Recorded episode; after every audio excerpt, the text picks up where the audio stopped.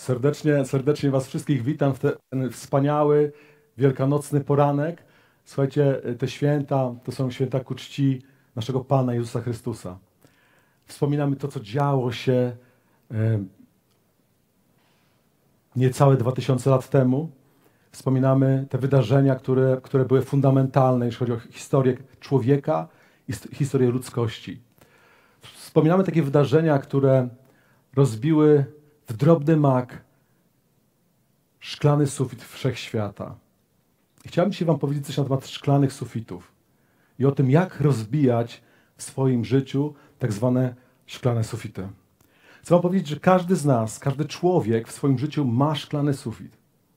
Ma coś, co go ogranicza, coś, co go zamyka, coś, coś, coś co go tłamsi, coś, co w jakiś sposób ma, ma na niego negatywny wpływ. Zanim powiemy sobie coś na temat szklanych sufitów, chciałbym Wam powiedzieć o takiej pewnej historii, która mi się przydarzyła. Chyba pierwszy, wtedy pierwszy raz tak bardzo namacalnie miałem do czynienia ze szklanym sufitem w moim życiu.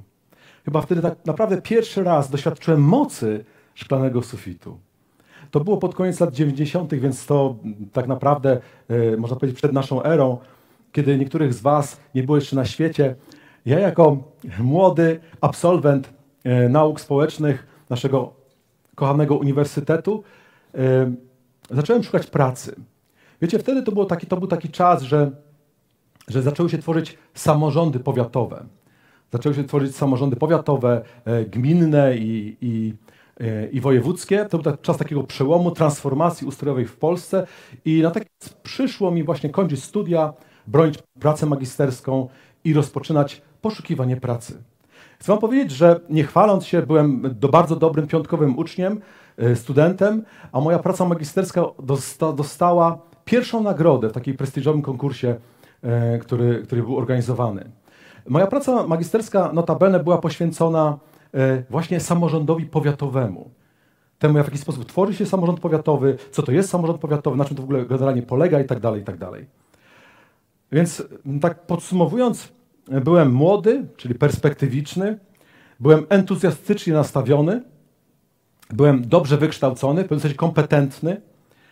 E, wiecie, myślę sobie tak, że ta moja kompetencja była dosyć specyficzna, ponieważ wtedy tych, e, tych samorządów powiatowych w Polsce nie było. To było coś nowego. Te samorządy zostały zlikwidowane w latach 70., czyli w ogóle totalnie innej epoce, kiedy jeszcze był PRL, kiedy był socjalizm, kiedy te samorządy powiatowe w ogóle kompletnie nie miały nic wspólnego z tymi, które, które, które chciano utworzyć w wolnej Polsce.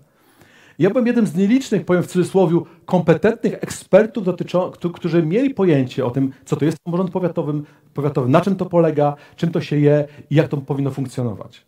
Więc naturalną koleją rzeczy było to, że ja swoje kroki, swoje pierwsze kroki w poszukiwaniu pracy do, skierowałem w kierunku starostwa powiatowego w Krapkowicach. To było starostwo powiatowe, które tworzyło dwie osoby. Wybrany przez Radę Powiatu starosta i jego sekretarka.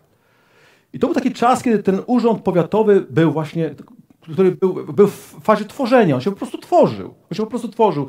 Tam potrzebowano fachowców, urzędników, ludzi, którzy mieli pojęcie, na czym ten powiat tak naprawdę ma polegać. I naturalnie udałem się na rozmowę, na rozmowę kwalifikacyjną z ówczesnym starostą i z taką nadzieją i z takim przekonaniem, że tak naprawdę to chyba tą pracę powinienem dostać, ponieważ, tak jak powiedziałem, jestem młody, entuzjastyczny, dobrze wykształcony i znam się na powiatach. Jakie było moje zdziwienie, kiedy pan starosta w ogóle nie był zainteresowany moją ofertą. Kompletnie nie był zainteresowany moją osobą i, i tym, co potrafię, co chcę i, i, i w jaki sposób mógłbym pomóc w tworzeniu się tego urzędu powiatowego. Z czasem dowiedziałem się, że ten e, człowiek był bardzo mocno związany e, z pewnym kościołem dominującym w Polsce, a ja wówczas byłem znanym jednym z liderów kontrowersyjnej grupy modlitewnej. Wiecie, i dla mnie osobiście był to taki jeden z bardziej bolesnych zderzeń ze szklanym sufitem w moim życiu. Wiecie, byłem, nie powiem, że byłem sfrustrowany, nie powiem, że byłem wściekły, ale byłem po prostu totalnie zmieszany. Nie wiedziałem tak naprawdę o co chodzi. Dopiero po czasie dowiedziałem się tak naprawdę nie dowiedziałem się, domyślam się, że chodziło właśnie o to. Pojęcie szklanego sufitu po, pojawiło się w latach 70. Wiecie, szklany sufit oznacza nie mniej, nie więcej jako e, pewne nieformalne bariery, które umożliwiają ludziom, pewnym ludziom, pewnej grupie ludzi osiąganie pewnych celów. To jest bardzo częste w, tej, w tej e, problematyce e, prawa pracy, generalnie e, pracy. Mówi się o tym na przykład, że kobiety zderzają się ze szklanym sufitem że procent kobiet na y, pewnych kierowniczych stanowiskach jest bardzo niski ze względu na to, że to są kobiety po prostu. Nie, nie, nie, ma znaczenia, że one są kompetentne, że one są pracowite, że one są bardziej, bardziej uporządkowane, że one są y, w jakiś sposób y, też lepiej predysponowane do pełnienia takich czy innych funkcji. Nie jest, nie jest to istotne. To, że są kobietami, jakby sprawia, że one po prostu nie są w stanie przebić tego, tego sufitu. Okazuje się, że mniejszości religijne w pewnych państwach, myślę, że również w Polsce, również mają pewien problem. Zderzają się z pewną nieformalną barierą. Wiecie, bo o tej barierze nikt nie powie, że ona jest. Dlatego nazwana jest szklanym sufitem. Nikt nie potwierdzi, że to jest prawdziwy powód, że pan jest kobietą i pan nie dostaje tej pracy. Albo że pan jest członkiem takiej czy innej e, organizacji religijnej i pan e, nie osiągnie tego czy innego celu. Nikt tego nie powie, nikt tego otwarcie się do tego nie przyzna, dlatego to nazwane jest szklanym sufitem. Że jest coś, co jest przezroczyste, teoretycznie niewidoczne, ale bardzo skutecznie broni, w jakiś sposób ogranicza Tobie i mnie dostęp do pewnych rzeczy, do osiągnięcia pewnych celów. Szklany sufit to symbolicznie nieformalne bariery, hamulce, granice, do których nikt głośno się nie przyzna. Powtarzam się, wiem o tym, ale chciałbym, żebyście sobie to uzmysłowili. One nas bardzo skutecznie blokują przed osiągnięciem celów. Szklany sufit jest niezwykle deprymujący i frustrujący. On nas zniechęca, ponieważ po pierwsze, jakbyśmy w pewnym sensie widzimy cel, widzimy to, co jest dla nas, co jest nasze, a nie potrafimy go osiągnąć. Widzimy cel, jakbyśmy go już mieli w swoich rękach, jakby był w zasięgu naszych rąk, ale nie potrafimy go wziąć. Nie potrafimy z niego skorzystać. Nie potrafimy go w jakiś sposób zaabsorbować w swoim życiu. Co z tego, że widzimy cel? Co z tego, że uważamy, y, że uważamy podświadomie, że mamy przekonanie w sercu, że ten cel tak naprawdę, że osiągnięcie tego celu tak naprawdę nam się należy. Że, powiem w cudzysłowie, powołując się na moje doświadczenie, że ta praca mi się należy, ponieważ jestem kompetentny, jestem przygotowany, ponieważ znam się na tym, jak niewiele osób w tym powiecie. Co z tego? Skoro szklany sufit zabezpiecza mi dojście, dojście, otrzymanie tego, czego tak naprawdę pragnę. Myślę sobie, że, wiecie, myślę sobie nawet, że gdyby, gdybym był autorem ustawy o samorządzie powiatowym, gdybym był ekspertem w tej kwestii, nie dostałbym tej pracy. Z zupełnie innych, nieformalnych powodów. Szklany sufit ma nas zatrzymać w miejscu stagnacji, obumierania, uwiądu i defensywy. Na bardzo wielu poziomach, kochani. Nie tylko na poziomach zawodowych, nie tylko na poziomach emocjonalnych, fizycznych czy relacyjnych, ale przede wszystkim duchowych. I na tych duchowych, y, na tych duchowych sprawach, na tej duchowej sferze chciałbym się dzisiaj zatrzymać. Nie chodzi o to, żebyś y, teraz pomyślał, w jaki sposób rozbić szklany sufit, żeby, żeby zarobić drugi, drugi milion w moim życiu. Albo pierwszy milion w moim życiu. Kompletnie mnie to nie interesuje. Kompletnie nie o tym chcę wam dzisiaj powiedzieć. Nie chcę wam dzisiaj powiedzieć um, o tym, jak zbić szklany sufit, żeby osiągnąć sukces zawodowy, żeby awansować na szczeblach kariery, nie chcę ci powiedzieć, co zrobić, żeby rozwalić y, szklany sufit, żeby osiągnąć w jakiś sposób poziom, w pewnym sensie poziom popularności. Nie o tym dzisiaj chcę ci powiedzieć. Chcę dzisiaj powiedzieć ci o tym, jak rozbić szklany sufit, żeby doświadczyć życia w obfitości w Chrystusie Jezusie, naszym Panu. Amen? Amen. Kochani, czy tobie się wydaje, czy tak jest, czy nie jest? Czy się ze mną zgadasz, czy nie zgadasz? Chcę ci powiedzieć, że każdy człowiek ma szklane sufity. I pierwszą rzeczą, jaką musimy zrobić w walce z tym szklanym sufitem, to sobie uzmysłowić, że on jest. Że on w naszym życiu po prostu jest. Autorami tych barier, autorami tych niewidzialnych, przezroczystych, szklanych barier w naszym życiu są albo duchowe siły przeciwne Bogu i nienawidzące człowieka, nienawidzące ciebie i mnie, ale wiecie co? Tymi, tymi autorami tych szklanych sufitów mogą być również inni ludzie. Ale najczęściej autorami tych szklanych sufitów jesteśmy my sami. Amen?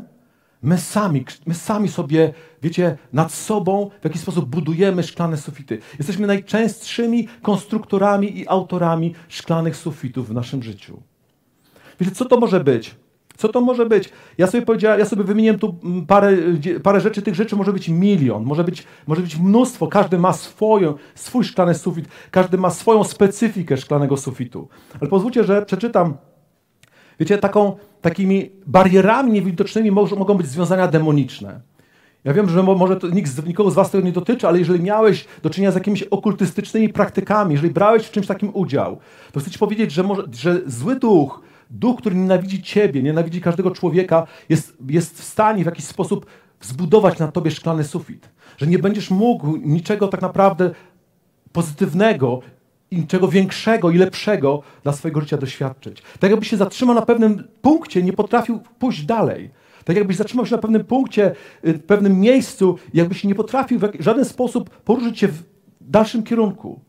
Jeżeli miałeś coś takiego, z czymś takim do czynienia, wyznaj to Jezusowi. Żałuj z tego powodu i nigdy więcej nie miej z tym do czynienia.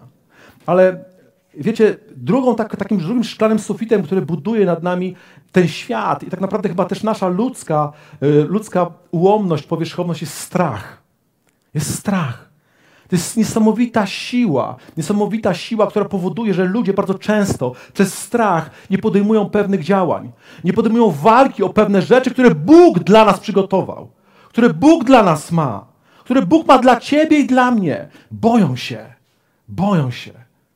Boją się zaryzykować, w cudzysłowie powiem. Boją się wyjść z miejsca komfortu, aby osiągnąć cel, do którego Bóg ich powołuje który gdzieś czujesz w swoim sercu, głęboko, w zakamarkach swojej duszy, Bóg woła cię, abyś powalczył o taki czy inny duchowy cel. Zachęca cię do walki o taki czy inny duchowy cel, a ty się po prostu boisz. Boisz. Boisz się podjąć tą walkę. Wiecie, demoniczne siły zrobią wszystko, abyś się bał choroby. Zobaczcie, co się dzieje na świecie. Ludzie są sparaliżowani strachem przed chorobą. Żeby ludzie się bali śmierci, żeby ludzie bali się ubóstwa, kryzysu, żeby ludzie bali się ciemności, drugiego człowieka. Wiecie, żeby ludzie bali się nawzajem siebie, wszystkiego tak naprawdę, co się dzieje na zewnątrz, żeby ludzie byli podszyci strachem, że człowiek, który się boi, człowiek, który, się, który jest w panice, który jest w histerii, jest bardzo łatwy do tego, aby nim manipulować, aby kontrolować jego życie. I przeciwna Tobie i Bogu siła zrobi wszystko, abyś się bał. I abyś zbudował, abyś pozwolił w swoim życiu zbudować nad swoim życiem taki szklany sufit pod, naz pod nazwiskiem, pod nazwą strach. Pod nazwą strach. Wiecie, ja już nie będę mówił o tym, że takimi szklanymi sufitami są również nasze przyzwyczajenia, nasze nałogi.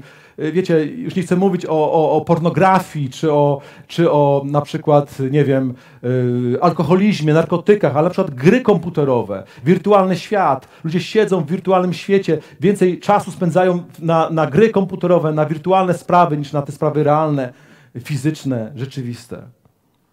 Zły sposób myślenia to również jest jeden z wielu powodów, bardzo częsty powód tego, że mamy nad sobą szklane sufity. Źle myślimy o sobie, o innych, a z tym złym sposobem myślenia, wiecie, zaraz wiąże, wiążą się pewne rzeczy, które też w jakiś sposób ograniczają nas. Tak jak porównywanie się, jak podejrzliwości, jak nieufność, jak złe myśli na temat swój, na temat innych. Wtedy nasz przeciwnik przychodzi i jest, on jest mistrzem w oskarżeniach. I on formułuje oskarżenia. Najpierw ciebie oskarża, potem Boga oskarża, a potem oskarża innych ludzi wokół ciebie i buduje się bariera w twoim życiu. Relacyjna, emocjonalna, duchowa. Każda. Wiecie, często jest tak, że te bariery, te hamulce, które w jakiś sposób, którymi musimy się zmierzyć, którymi musimy wypowiedzieć wojnę w naszym życiu, one są związane z naszym pochodzeniem społecznym. One są związane z miejscem zamieszkania. One są związane ze sposobem wychowywa- wychowania nas. Tego, co mówili o Tobie Twoi rodzice, Twoi najbliżsi. Bardzo często jest tak, że, że bierzemy bardzo często do serca to, co mówili nasi nauczyciele, ludzie, którzy byli dla nas autorytetami, bierzemy to do serca i to w jakiś sposób pokutuje cały czas w naszym życiu. I nie wiemy dlaczego. Dlaczego nie dzieją się pewne rzeczy? One dzieją się dlatego, że pewne sprawy z przeszłości wciąż są w tobie żywe, wciąż w tobie pokutują.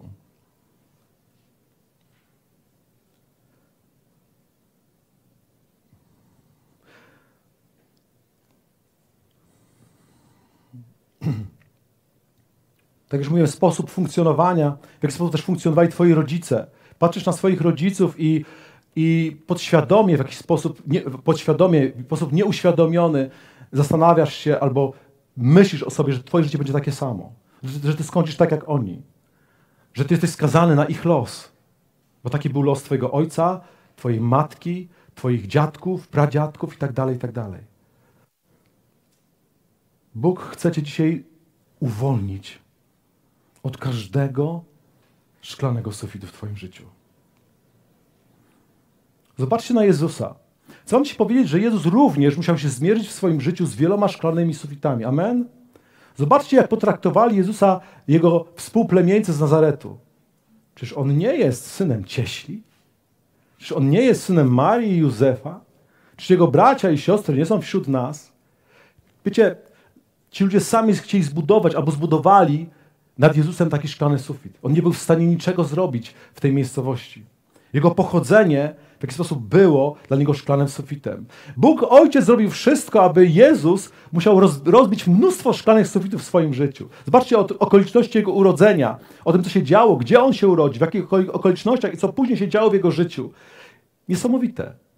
Jezus musiał uporać się z pewnymi szklanymi sufitami, które w jakiś sposób towarzyszyły Jego ludzkiej naturze, Jego ludzkiemu istnieniu. Myślę, że wszystko wokoło. Myślę, że wszystko wokoło szeptało Jezusowi do ucha: Nie dasz rady, nie podołasz, nie wytrzymasz, przegrasz, skompromitujesz się, zostaniesz sam. To jest ponad Twoje siły. Nie nadajesz się do tego. Nikt przedtem tego nie robił i nie zrobił. To nie jest dla Ciebie.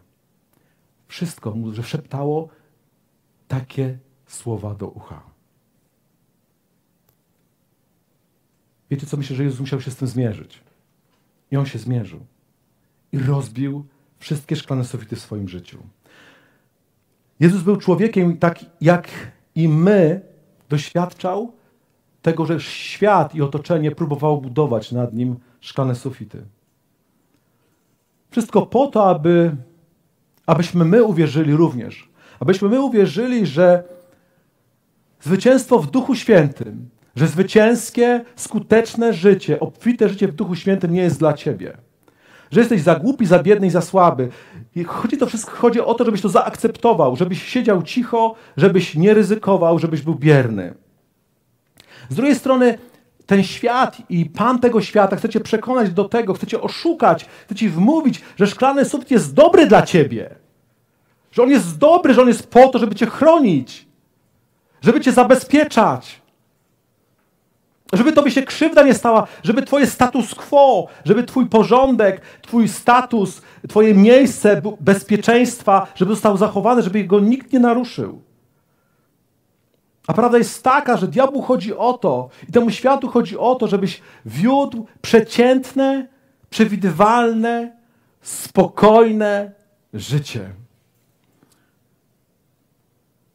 Żebyś w sposób wygodny i nudny je przeżył. Planem Bożym dla Ciebie i dla mnie jest to, abyśmy przeżyli z Bogiem fascynujące przygody. Abyśmy odpowiedzieli na Jego wyzwania. Abyśmy potrafili dla Niego, dla Bożych spraw zaryzykować. Tak jest plan dla Ciebie i dla mnie.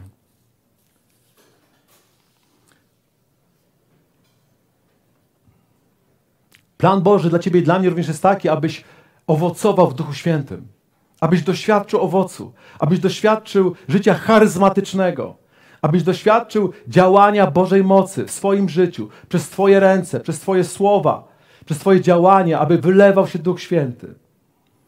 Planem Bożym dla Ciebie jest autentyczna bliskość z Bogiem, intymność. Bóg Ci proponuje bliskość. Wiecie, mamy często też takie podejście, że jest wybudowany szklany sufit w relacjach i potrafimy, bo ktoś nas może zawiódł, ktoś nas zranił, ktoś nas dotknął, nie potrafimy zaufać. I ten świat i Twoja cielesność buduje szklany sufit wobec, wokół Ciebie, żebyś nie miał relacji, również z Bogiem. Również z Bogiem, a Bóg chce zaprosić Cię do intymności. Bóg chce zaprosić Cię do relacji. Bóg chce zaprosić Cię do, in, do, do bliskości z sobą. I Bóg chce zaprosić Cię do bliskości z innymi ludźmi. Bóg chce, abyś się z Nim zaprzyjaźnił, abyś był z Nim blisko. Nie powiedziałam tego uzupełnię. Kościoły mogą mieć również szklane sufity. Kościoły mogą mieć również szklane sufity. Takie miejsca, w których po prostu nie potrafią nigdzie ruszyć się dalej. Nie potrafią w żaden sposób się przebić przez pewien, przez pewien irracjonalny poziom niemożności. Irracjonalny, niewytłumaczalny poziom niemożności. Bóg chce, aby kościoły również obfitowały, aby się rozmnażały, aby potężniały na Bożą chwałę. Na Bożą chwałę i na pożytek Bożego Królestwa i na pożytek Ewangelii. Bo do tego zostaliśmy powołani.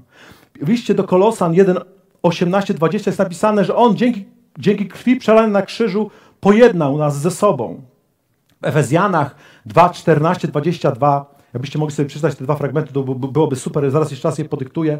Jest napisane, że On nas pojednał z Bogiem w jednym ciele przez krzyż. Kolosan 1, 18, 20 i Efezjan 2, 14, 22. Słuchajcie, Jezus nie zgodził się na żadne ograniczenia w swoim życiu. On rozbił wszelkie, wszystkie szklane sufity w swoim życiu. Ty też nie gódź się na żadne szklane sufity. Ty nie gódź się na szklane sufity, które przeszkadzają ci wypełnić wolę Bożą które przeszkadzają Ci oddawać chwałę Bogu, które przeszkadzają Ci budować Boże Królestwo, które przeszkadzają Ci głosić Ewangelię, które przeszkadzają Ci być uczniem Chrystusa. Nie godź, nie gódź się na takie, na takie sufity, nie gódź się na takie przeszkody, nie gódź się na takie bariery, nie gódź się na, na takie emocje, na takie hamulce. Wzbudzaj w sobie, wzbudzaj sobie ducha walki z tymi, z tymi sufitami, z tymi ograniczeniami. Kiedy Jezus umarł, szklany sufit wszechświata został rozbity. Potępienie jako należna kara za nasze grzechy zostało z nas zdjęte. Prawo Boże jako nas, nasz oskarżyciel, prawo, którego nie byliśmy w stanie wypełnić, zostało, zostaliśmy od niego uwolnieni. Diabeł, który nas zwodził, przestał mi, mieć nad nami moc. Kiedy Jezus zmartwychwstał, roztrzaskany został sufit wszechświata o nazwie śmierć. Halleluja! Śmierć. Jesteśmy wolni. Jesteśmy wolni. Bóg nas przeznaczył do tego, abyśmy żyli. Bóg nas przeznaczył do tego, abyśmy razem z Nim zmartwychwstali i razem z Nim żyli.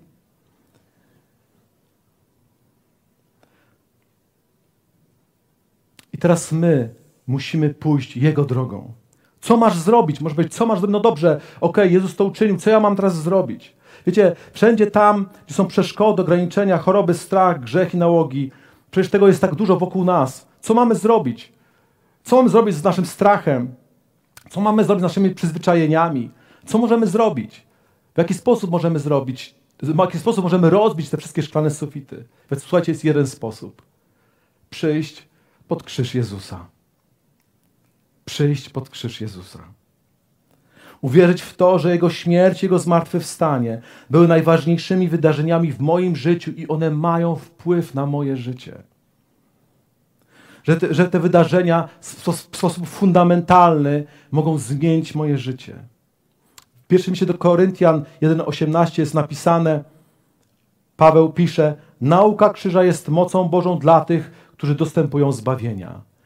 Wiecie, myślę, że my powinniśmy zacząć żyć nauką krzyża. Nauką krzyża. Że bez przyjścia pod krzyż Chrystusa nie poradzimy sobie z naszymi szklanymi sufitami. Nie poradzimy sobie z ograniczeniami. Nie poradzimy sobie ze strachem. Nie poradzimy sobie z naszą ludzką, ułomną naturą. Musimy przyjść pod krzyż Chrystusa. Całe dzieje ludzkości, cały świat, całe dzieje Izraela zmierzały w stronę krzyża, w kierunku krzyża tak wiele rzeczy w Starym Testamencie, tak wiele rzeczy w Starym Przymierzu zapowiadało Chrystusa i Jego śmierć na krzyżu. Wiecie, ostatnio otrzymałem list.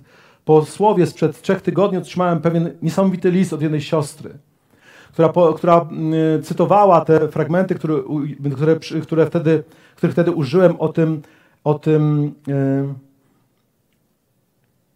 obozie Izraelitów. Pamiętacie? O tym obozie Izraelitów.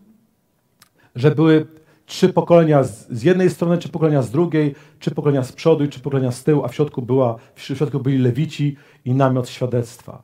I ona powiedziała mi, nie wiem, czy ty wiesz, że ten obóz miał kształt krzyża. Że ten obóz miał kształt krzyża. Wiecie, ja od tych kilku tygodni właśnie tym żyję. Wiecie, ja chcę być czy w pierwszym rzędzie, czy w ostatnim rzędzie, symbolicznie, tych wszystkich pokoleń. Ja chcę być w orbicie wpływów krzyża. Ja nie chcę od krzyża uciekać. Ja nie chcę o krzyżu zapominać. Ja nie chcę, nie chcę zapominać o tym, co Chrystus uczynił na krzyżu. Słuchajcie, ten cały obóz Izraelitów był w, był, był w kształcie krzyża. On symbolicznie zapowiadał przyjście Chrystusa, Mesjasza. Symbolicznie wskazywał na to, że Mesjasz, mes, Mesjasz przyjdzie i zbawi swój lud. Rozwali wszystkie szklane sufity w naszym życiu. Wiecie, ja sobie teraz w jakiś sposób, kiedy o tym myślałem, kiedy o tym rozpamiętywałem, y, powiedziałem sobie, pomyślałem sobie tak, że to rzeczywiście jest niesamowity symbol, że ten obóz był w kształcie krzyża, ale ten krzyż jakby leżał na ziemi. Oni byli rozbici na ziemi i to było w kształcie krzyża, jak Balak przyszedł zobaczyć, jak Balam, przepraszam, przyszedł zobaczyć obóz, to widział, widział obóz w kształcie krzyża. Wiecie, i ten krzyż leżał na ziemi. Dla mnie to jest też symbol, pozwólcie, że tak to zobaczyłem, tych ludzkich starań, tych ludzkich pragnień, tych ludzkiej walki. Myślicie, że Izraelici nie chcieli się podobać Bogu? Że oni byli naprawdę tacy źli? Oni chcieli się podobać Bogu. Oni chcieli wypełnić prawo. Oni chcieli swoimi ludzkimi uczynkami, ofiarami zjednać Jego przychylność, ale nie potrafili. I wiecie, kogo, kogo było potrzeba? Chrystusa. Aby ten krzyż z tej ziemi został podniesiony. I on na Golgocie został podniesiony. I on na Golgocie, kiedy Jezus na nim zawisł, został podniesiony i ten krzyż rozwalił każdy szklany sufit. Ten krzyż sięgnął nieba i rozwalił każdy szklany sufit. Gdzie zobaczyłem to jakoś symbolicznie w duchu, że tak jak wtedy Izraelici byli w tym krzyżu, zapowiadali to zbawienie, ale oni leżeli na ziemi. Oni chodzili po ziemi. Oni po ludzku próbowali rozbić szklane sufity w swoim życiu. W tym trudnym życiu na tej pustyni. Oni to próbowali, ale im się to nie udało. Potrzeba było Chrystusa, aby ten krzyż został podniesiony z ziemi, ustawiony na Golgocie i aby ten krzyż dosięgnął nieba i po, po drodze rozbił miliardy szklanych sufitów. Twoich i moich. Twoich i moich.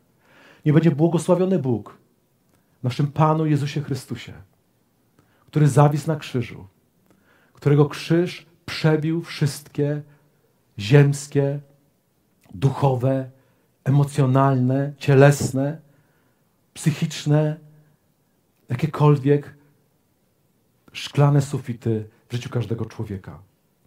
I wiecie, żeby doświadczyć wolności od szklanych sufitów, trzeba podejść do krzyża, bo tam jest wolna przestrzeń, prosto do nieba.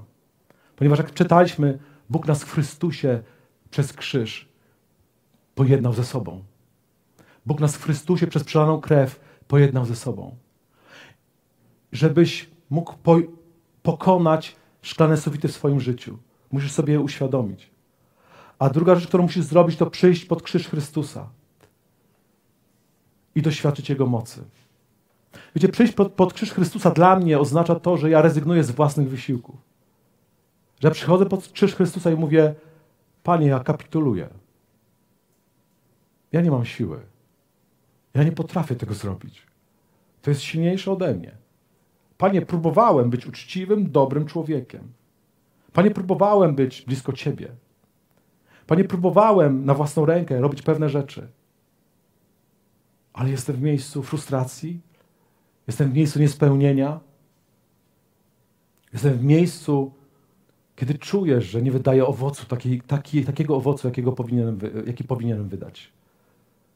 Wiecie, to jest jedyny sposób na rozwalenie szklanego sufitu w Twoim i moim życiu.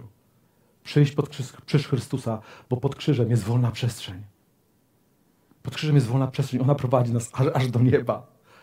Aż do nieba. Niesamowite. Wiecie, to jest prawda, która przemieniła moje życie. To jest prawda, która przemieniła moje życie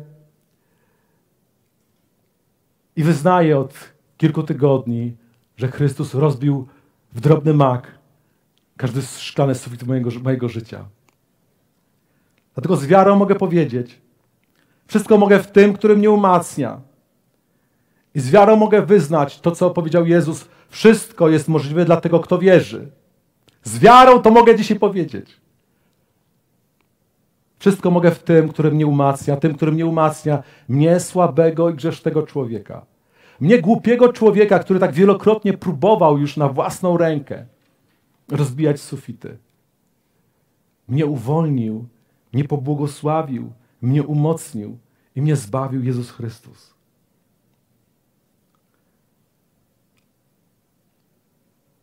Chcę Was zachęcić do tego,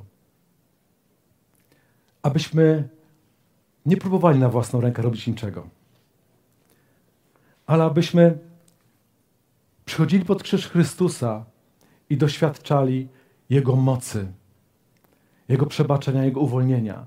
Żebyśmy przychodzili do pustego grobu, aby doświadczyć mocy Jego życia, triumfu życia nad śmiercią. Nie tylko tą śmiercią fizyczną, ale również i śmiercią duchową, przede wszystkim śmiercią duchową. Nie tą śmiercią duchową i fizyczną, ale również tą śmiercią, która nazywa się bierność, która nazywa się gnuśność, która nazywa się niewiara. Musimy przychodzić do Chrystusa. Musimy przychodzić do Jego krzyża i do Jego pustego grobu, aby doświadczyć Jego mocy. I nie naszą siłą, ale Jego siłą doświadczać wolności od wszystkich szklanych sufitów mojego i Twojego życia. Ten wyjątkowy czas świąt, kiedy wspominamy mękę i śmierć Jezusa, kiedy wspominamy Jego zmartwychwstanie, życzę Wam, abyście mocą Jezusa, abyście Jego autorytetem, abyście również za Jego przykładem, przychodząc pod krzyż, rozbijali wszystkie przeszkody, bariery i hamulce waszego życia. Z korzyścią dla Bożego Królestwa, dla Ewangelii, ku chwale Boga Ojca, który jest w niebie. Amen.